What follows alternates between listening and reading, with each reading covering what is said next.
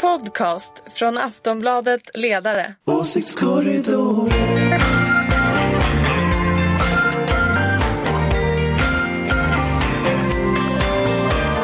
Så, då får vi försöka få lite ordning här. Ehm, Vi har ny programledare. precis. Välkomna! Det här är veckans avsnitt av Åsiktskorridoren, podden från Aftonbladets ledarsida. Eh, och här, ungefär som vanligt, så finns Pernilla Eriksson från Aftonbladets ledarsida. Ja. Ulrika Schenström, moderat, som du brukar presenteras här. Och Anders Lindberg, Hej eh, hej! politisk ledare, eh, chefredaktör. Själv eh, är jag då Ingvar Moderat. Persson som har fått hoppa in här. Eh, och jag har väl ungefär samma roll som Andreas Norlén i politiken just nu. Alla vet varifrån jag kommer men jag ska i alla fall försöka uppträda både ojävigt och eh, på något sätt Lovely. rättvis. eh, det är min uppgift eh, under dagen. På vägen in här så, så vi, har, vi har ju precis studerat eh, statsministeromröstningen den Yes. andra och debatten där. Och på vägen in här så pratade vi om att Aftonbladets ledarsida spelade en alldeles egen roll i den här debatten. Vad var det som hände Ulrika? Ebba Busch Thor hoppade på Aftonbladets ledarsida och då tänker jag så här. Ja, Anders Hon, Lindberg. hon kommer inte rösta ja till oss. Hon kommer rösta Alltså nej till oss. Aftonbladets ledarsida är emot Ebba Busch Thor. Mm. Men, men Det var ju en hur kommer särskild detta punkt hon sig? tog upp va? Jag menar hur kan man, detta, det, alltså ledarsidan har ju som arbetsuppgift att vara emot borgerligheten. Det är ju liksom själva arbetsuppgiften, eller hur? Är det så Pernilla? Ja, Men Anders, jag tycker att du ska utveckla det där lite mer. För det fanns ju ett spännande Nej, spår där. bara, jag bara noterade när hon sa det att hon, hon skrev att vi hade skrivit ett blogginlägg eh, där vi jämförde där vi jämförde Ulf Kristersson med, med eh, Hitlers, vad sa hon, hantlangare eller någonting sånt där. Nå, någon slags eh, samarbetspersoner eh, och så. Och det intressanta är att det här är ju alltså felaktigt. Eh, Vi, har ju jämfört eh, Ulf Kristersson med von Papen. Jo men och det här är lite intressant. Att von Papen, så var jag, det var ju alltså så här att när, när Hitler kom till makten på, på 30-talet i Tyskland så hade ju inte nazisterna tillräckligt mycket röster för att komma in i regeringen. Men ett antal naiva borgerliga Eh, i ett parti som heter Centrum, leddes av von Papen då som var den här personen som var på bilden. Eh, de de eh, tänkte att ah, men det där med nazister det var nog inget problem, det kan vi kontrollera. Vi släpper fram dem till regeringsmakten och så kommer de, om vi bara pratar med dem så blir de ganska vettiga och sen så kommer det att bli ganska bra och så får egentligen vi makten, tänkte de konservativa. Och så bildade de en regering där, där också von Papen ingick. Och sen blev det inte riktigt så. Eh, det blev inte riktigt de konservativa som styrde den där regeringen. Eh, och sen dess har von Papen liksom blivit en symbol. Begreppet har blivit en symbol. Och jag skrev för liksom naiva konservativa som släpper in högerextremister. Så jag skrev för typ tre månader sedan en liten kommentar om just att det var en symbol och att, att det här eh, faktiskt har blivit en regel. Det är alltid så, när eh, högerextrema partier kommer till makten, då är det för att konservativa partier har hjälpt dem. Det stämmer i Österrike, Framförallt det är det stämmer... liksom korkat att liksom, så här, om man nu har en annan uppfattning än Anders Lindberg så borde man ju inte nämna Anders Lindberg. Jag har liksom aldrig riktigt förstått det här att man måste liksom ge fler, mer utrymme för att han ska få sitta här nu. Alltså, jag är ju benägen att hålla med Anders Lindberg här men alltså den som nu har det, hoppat bara på Anders Lindberg bara det. borde ju kanske Men, ja, men, men det är liksom... Du, det- du tänker att den här, den här eh, blogginlägget strategin Ja, kanske det, inte det här riktigt blogginlägget funkar. skulle, skulle kanske ha varit mer bortglömt om inte Ebba Busch Thor hade nämnt det i riksdagen. Ja du tänker så ja, Ja. Så, tänk, så tänker jag. Det, det, det, du kan ha rätt i det. Det är som när Ehm. Eh, Daniel Suhonen tyckte att eh, Ulf Kristersson var eh, lat. Mm. Mm, det var också Det, väldigt det var väldigt bra intressant. för då var halva moderata riksdagsgruppen ute och dementerade att Som han om, var man, lat. som om Suhonens arbetsuppgift var någonting helt annat än den den är, nämligen att tycka illa om borgerliga partier. Ja, eller som om... Som Och sen om, fick han ju löpet på Expressen också för Ja. säkerhets skull när de hade varit ute och dementerat att Ulf Men det var väldigt roligt för det lat. var bara halva som var ute också. Vilket alla noterade. Vad gör den andra halvan? Så att, så att man lyckades ju liksom trassla till det på alla plan samtidigt. Nej, men det är liksom, Lite jag kan inte riktigt förstå det där varför man, man hetsar upp sig över de som faktiskt har som arbetsuppgift att vara emot den. Ja, men kan, är, är det här liksom Och betalt för det till Är det ett, ett fattigdomsbevis från politiken Vet ni vad att jag Anders tror att det är? Är liksom en, en faktor? Vet, vet ni vad jag tror att det är? Att, jag tror inte statsministervoteringen riktigt handlar om mig. Jag tror att jag, jag blir inblandad där av en annan orsak och det är att Johan Ingerö som jobbar på Timbro förut har ju nu börjat jobba åt Ebba Busch Thor. Ah, och och Timbro är väldigt sura på mig för något inlägg jag skrev för länge sedan. Eh, och Timbro är som fortfarande sura på mig. Så jag tror, jag, jag vet inte om detta är sant, det är bara en ren gissning, men jag tror att det inte är, alltså det, det, det är inte kungen som är galen, utan det är kungen som har dåliga rådgivare. Och, och Ebba Busch är alltså kungen. Och det här kommer bli intressant när den här podden kommer ut. Ja. Vi, kanske, vi kanske ska lämna det här ämnet innan vi har hamnat Ja. alldeles för djupt in och innan Anders Lindberg är nästa kandidat till statsministeromröstningarna. Ja. Ja, jag kan dementera att det är jag som Det ska är jag glad sondera. över att vi inte har honom som Det är jag också mycket glad statsministerkandidat. över. Den här veckan har ju nämligen varit alldeles eh, exceptionell politiskt, eh, även bortsett från, från då att, Varje eh, vecka tar, t- känns som, som den är det, topp, exceptionell. det toppar, faktiskt. det, toppar Ja. det mesta. Jag tänkte vi skulle liksom ta utgångspunkt för den här podden i, i hur den har varit för Stefan Löfven. För det måste väl vara så att för Stefan Löfven har eh, den senaste veckan varit själva definitionen av en politisk mardröm. Eh, på många Jag tänker sätt. så.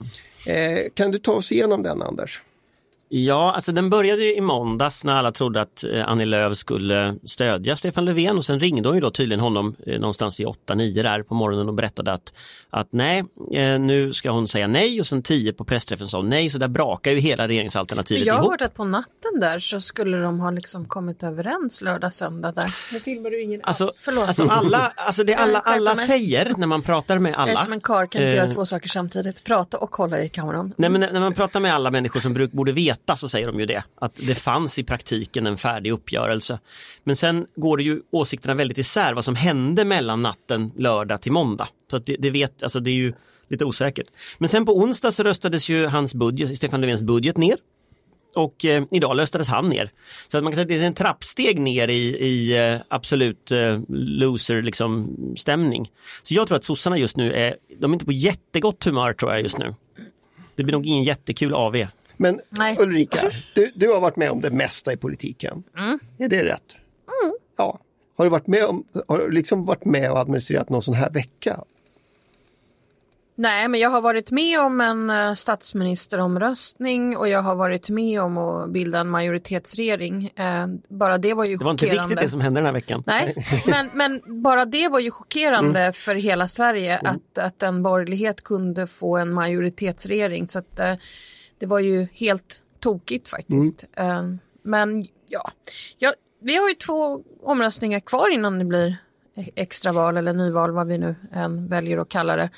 Eh, och jag, jag tror ju som sagt fortfarande att det kommer att bli en Löfven-regering. Vi, vi tar den här veckan bit för bit, de här tre liksom, elementen och så ser vi om vi kan eh, liksom, ja, reda ut det här. Eh, helgens förhandlingar som havererade och vi har redan varit inne på det. Eh, vad var det som hände? Vad menar du? Va, vad var det som gjorde att de havererade? Ja, det är väl arbetsrätten kanske.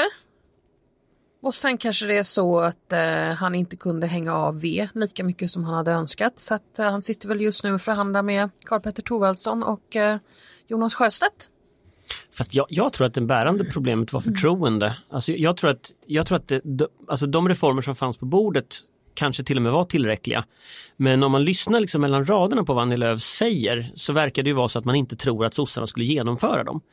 Och, och jag, när jag har liksom pratat runt med folk så, så upplever man att det finns ju också en bild hos Centerpartiet att om man väl släpper fram Socialdemokraterna till regeringsmakten då kommer man inte kunna göra något om de inte vill genomföra politiken. Det enda man kan göra är att ha ett misstroendevotering men då kommer sossarna utlysa nyval och det, det vill man inte. Så att I samma ögonblick man släpper fram Stefan Löfven så är liksom ens maktmedel uttömda. Och problemet då det, det är naturligtvis att om det där förtroendet inte finns då är det kört. Då blir det nyval. Så att, så att jag tänker ju, om, om jag liksom var förhandlingsmänniska där, då skulle jag ju fundera på hur upprättar jag det här förtroendet så att liksom Centerpartisterna tror på att det man kommer överens om också genomförs. Kan man hitta kontrollmekanismer, kan man liksom göra någonting? Men, men, men är det Så. inte så att det ändå var kanske klart mellan några personer och att riksdagsgruppen eh, i Centerpartiet sa nej helt enkelt? Och partistyrelsen. Och partistyrelsen. Sen, har- sen har det ju liksom framhållits eller kommit tillbaka den här bilden av socialdemokratin som bufflig och omedgörlig. Mm, men det är den, det Eh, vet ju alla. Ja, ja. Eh, och, och lite grann en bild av manligt mot kvinnligt. Alltså är, är socialdemokratin, har, har, har till exempel Stefan Löfven uppträtt buffligt i det här? Om jag, Pernilla, vad, hur tänker du? Liksom? Har du? Är det den bilden man får utifrån. Jag har inte varit med i rummet, vad vet jag hur mycket han har bufflat. Ingen av oss. Om han har först papper fram och tillbaka. Haha. Eh, nej, eh, men jag, alltså det är intressant att tänka, du pratar om förtroende, Anders. Tror du att eh, C skulle ha lättare att förhandla med till exempel en ensam S-regering? Är det, kan Miljöpartiets inblandning vara där och skava? Ja, det är ju också en av de där frågorna som finns i det här. Den handlar ju om, om det här med alltså, alltså, det de kallar för äganderättsreformer på landsbygden. Där finns det ju en direkt konflikt mellan Miljöpartiets miljöintressen och Centerpartiets jordbruksintressen till exempel. Sen kan jag tänka mig också att när det gäller liksom vem har miljöfrågan, Miljöpartiet vill ju ha miljöfrågan väldigt mycket, det vill ju också Centerpartiet ha. Så det finns ju en konkurrens mellan de två partierna. Men det är möjligt att en ensam S-regering skulle klara det. Det är också möjligt, det får man inte säga kanske högt här, men det, det, det är också här möjligt i det här landet. Men det är också möjligt att någon annan person ska förhandla. Jag vet inte vem sossarna skickat fram som förhandlare. Men om man, om man tolkar Torbjörn Nilsson som skriver om detta i Expressen så sitter ju till exempel Mats Elgar där. Där sitter, som är, som är statssekreterare för Magdalena Andersson, det sitter Magdalena Andersson där och så. Det kanske är så att man istället ska släppa fram någon som inte är så inriktad på sakpolitik, att man försöker hitta liksom andra lösningar. Eh, finansministern är ju inte det lättaste att förhandla med, eh, det vet man ju. Eh, det, kanske, det, det är inte så svårt att tänka sig att det stupar på en sån sak. Alltså man, man kan ju dela upp förhandlingen i olika bitar. Man kanske kan vinna jämställdhet till exempel. Man kanske ska, man kanske ska stänga in partiledarna i ett rum och slänga ut alla andra. Alltså det, det finns ju massa sådana lösningar man kan liksom fundera över som nästa steg. Men det verkar, de verkar inte ha kommit till det. Liksom så. Men är det, är det sakpolitik som sätter stopp eller är det liksom, vad ska vi säga, eh, det här hoppet att, att ta språnget? Eh, för det måste ju vara ett, ett stort steg den dagen man säger ja vi släpper fram en socialdemokratisk regering Absolut. eller sådär för, för. Men jag menar, hon har ändå gjort det hon har sagt hela tiden. Det är ju det som är grejen. Och problemet. Hon har sagt nej till SD och hon har sagt nej till V. Ja, Ja, då blir det ju så här. då blir det så här. Ja, Men, och spelplanen har inte ändrats. Och eh, motståndet mot SD är lika kompakt och hon måste välja vilken som är värst. Släppa fram V eller Millions of people have lost weight with personalized plans from Noom, like Evan, who can't stand salads and still lost 50 pounds. Salads, generally, for most people, are the easy button, right? For me, that wasn't an option. I never really was a salad guy. That's just not who I am. But Noom worked for me. Get your personalized plan today at Noom.com. Real Noom user compensated to provide their story. In four weeks, the typical Noom user can expect to lose one to two pounds per week. Individual results may vary. gra. Eller inflytande åt SD. Mm. Och det kommer hon ju inte göra så att då blir det ju extraval då. Ja. Det kom någon flash nu precis när vi började prata här om att eh, talmannen kallar in partiledarna för att diskutera extraval. Eh, och, och det är klart att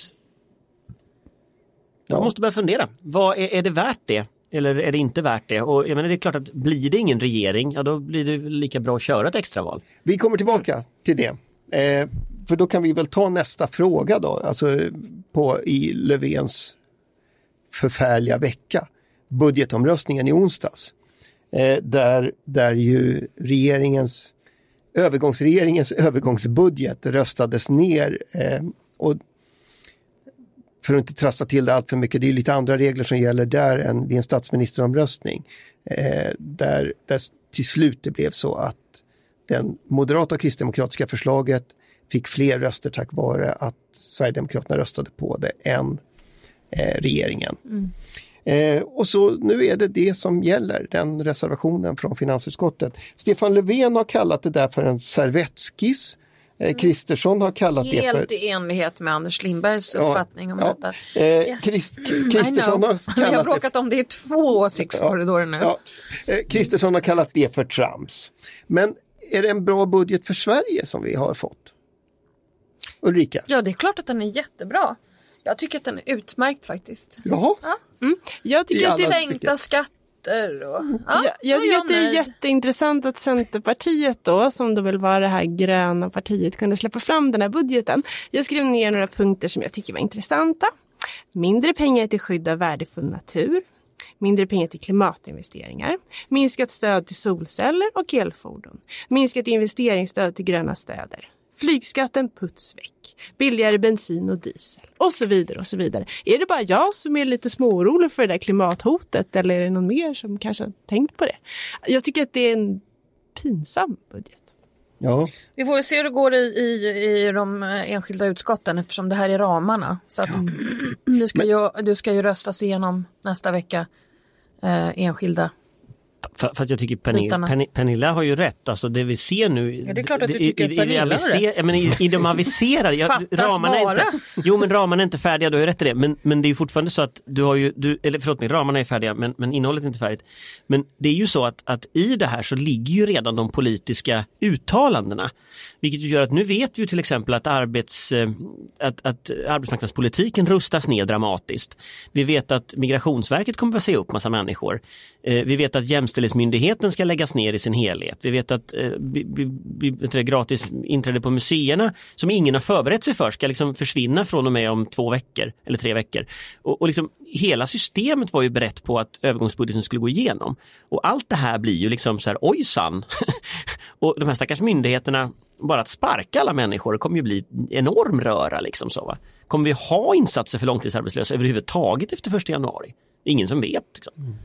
Nej, men nästa vecka vet vi väl det. ja. Men är, är, det ett, är det ett problem om man liksom, för det här är ju inte riktigt det sätt som, som budgetbeslut brukar tas. Nej, nej absolut. Men jag menar, Det kommer bli en som utmaning. det är nu så är det väl inte så konstigt. Förra, förra mandatperioden började ju också med en alliansbudget första Ja. året. Ja. Som Löfven fick administrera. Så det är Men ju den- inte första gången det här händer så att säga. Men där är ju en skillnad, för den var ju ingen servettskiss, utan det var ju en riktig budget som hade... Fick du säga det igen? Ja, de, snor ju, de snor ju mina talepunkter, det är helt hemskt. Här sitter jag och säger... Inflytande Ja, överallt. Ja, det är väl- är det Kristdemokraterna Ja, så är det jag märker det. Socialdemokraterna. Ja, men jag märker detta, det är mycket obehagligt. men, men, Sa han med ett skratt. jo, men det, är, det var ju faktiskt ingen servettskiss 2014, det var ju en riktig budget som var gjord av ett regeringskansli. Här är ju liksom problemet just att den är av de här fem personerna på Moderaternas kansli som har kokat ihop liksom, på 28 sidor. Och det är klart att det kommer, på 28 sidor, du kommer ha en hel statsapparat, du kommer ha glömt massa grejer liksom. Så, så det är liksom naturligt att det blir pannkaka av alltihop. Men, men om, vi, om vi då, för där finns det då uppenbarligen i denna, detta lilla rum olika Budgeten är åsikter. inte här och kan försvara sig. Budgeten är inte här och kan försvara sig. Servetten är Men inte här och kan försvara sig. Hur länge kommer den att gälla den här budgeten? Det är ju nästa fråga. Det var någon som sa en månad va? Alltså formellt sett så, så kan du ju ha en tilläggs eller en ändringsbudget men Men problemet, den ska ju göras i januari, tilläggs och ändringsbudget. ja, vet vi det? Ja, det beror väl på om man var- får en var- alltså, regering. Annars tänker jag ju vårpen, Är- alltså är inte- vårpropositionen. Förra gången kom den ju vid våpen. Då, Ja, då la de ju en då är i vårändringsbudget. Nej. Men det var någon som sa någonting om någonting Men det måste ju bygga på att det finns en regering som har majoritet i riksdagen. Ja, du tänker så. Ja. Mm. Ja, det är ju en förutsättning. Det vore ju Och- bra. Och, och det, det har vi ju liksom inte. Och dessutom om det ska bli nyval så kommer det här, då kommer den här budgeten i princip att gälla året ut. Sen är det så att det finns några punkter i budgetar som måste fastställas i statsverkspropositionen, eller vad det som inte heter det längre, men hette det förr. Eh, till exempel skatte, de här skattenivåerna, de kommer inte kunna ändra retroaktivt mitt i ett år. Så att de här pengarna har ju flugit sin kos liksom. Det är mycket tragiskt. Eller hamnat hos bättre behövande, beroende på hur man ser det då. Kan man tänka. Eh, men vi vet kort sagt inte förrän vi vet om vi har en regering hur länge den här budgeten gäller heller. Och lustigt nog så vet vi inte det. Nej. Så nu kan vi gå hem. Ja, för då kommer, då kommer vi till det och då är vi ju framme vid liksom den här morgonens nesa för, för Löfven, nämligen eh, statsministeromröstningen. Han var ju inte där och, och, och liksom följde det här begivenheten själv. Eh, han är ju i Bryssel. Ja, och var det inte någon mer partiledare som inte heller var där? Jimmy Åkesson var väl, var, var I var han någonstans? Thailand. Ja, just det, Ja. så var det. På föräldraledighet. Dessutom. Aha, det är Det här med att ta det föräldraledighet här över med helgen. föräldraförsäkringen, Ja. så skulle Ja, men vi det är ju kunna så- prata om den nu. Det är ju så många män som bara kan ta föräldraledigt när det är antingen i VM eller OS eller när det vankas en riktigt härlig solsemester. Så att, mm, Du glömmer älgjakten. ja, älgjakten, förlåt. Exakt. Så gör man med barnen om man är föräldraledig på älgjakten. De går på drevet. Ja. E- Eller om de inte har Det är en tillräckligt, folkrörelse vet du Anders, du har inte varit där ute. Nej, jag, jag, det, de det är helt har- riktigt, det har jag inte. om de inte har tillräckligt långa ben så kan de få sitta med i passet om de håller Det- klaffen. det- Eftersom jag håller på håller med klaffen, ja. friluftsliv så det enda jag vet om jakt i det fallet det är att man måste ha röd mössa på sig när man är ute och går i skogen. Orange. När det, ja, men när man måste ha en jag en Orange. röd mössa. Ja. Orange, inte röd. Förlåt, Orange. det här kanske hamnade Okej, lite whatever. vid sidan av eh, ämnet. Ingen, ingen partiledare är på älgjakt den här veckan, men som sagt, på andra ställen är de.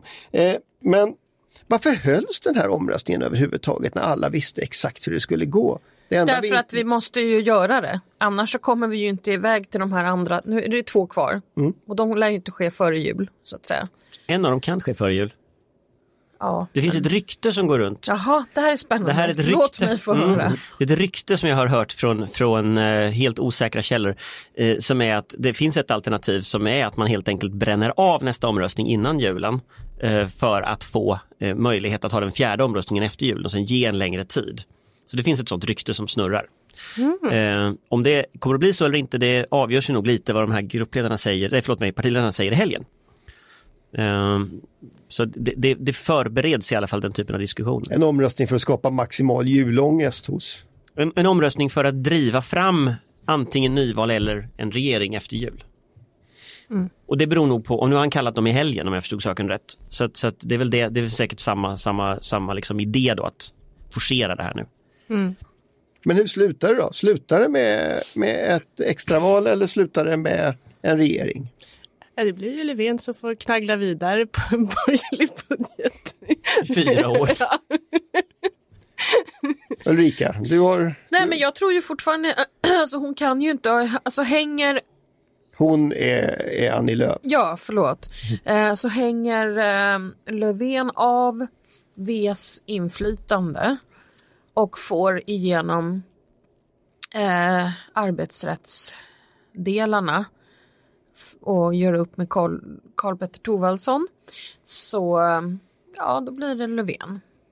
Men hon kommer aldrig ge ett liksom okej till ett passivt stöd från Sverigedemokraterna tror jag.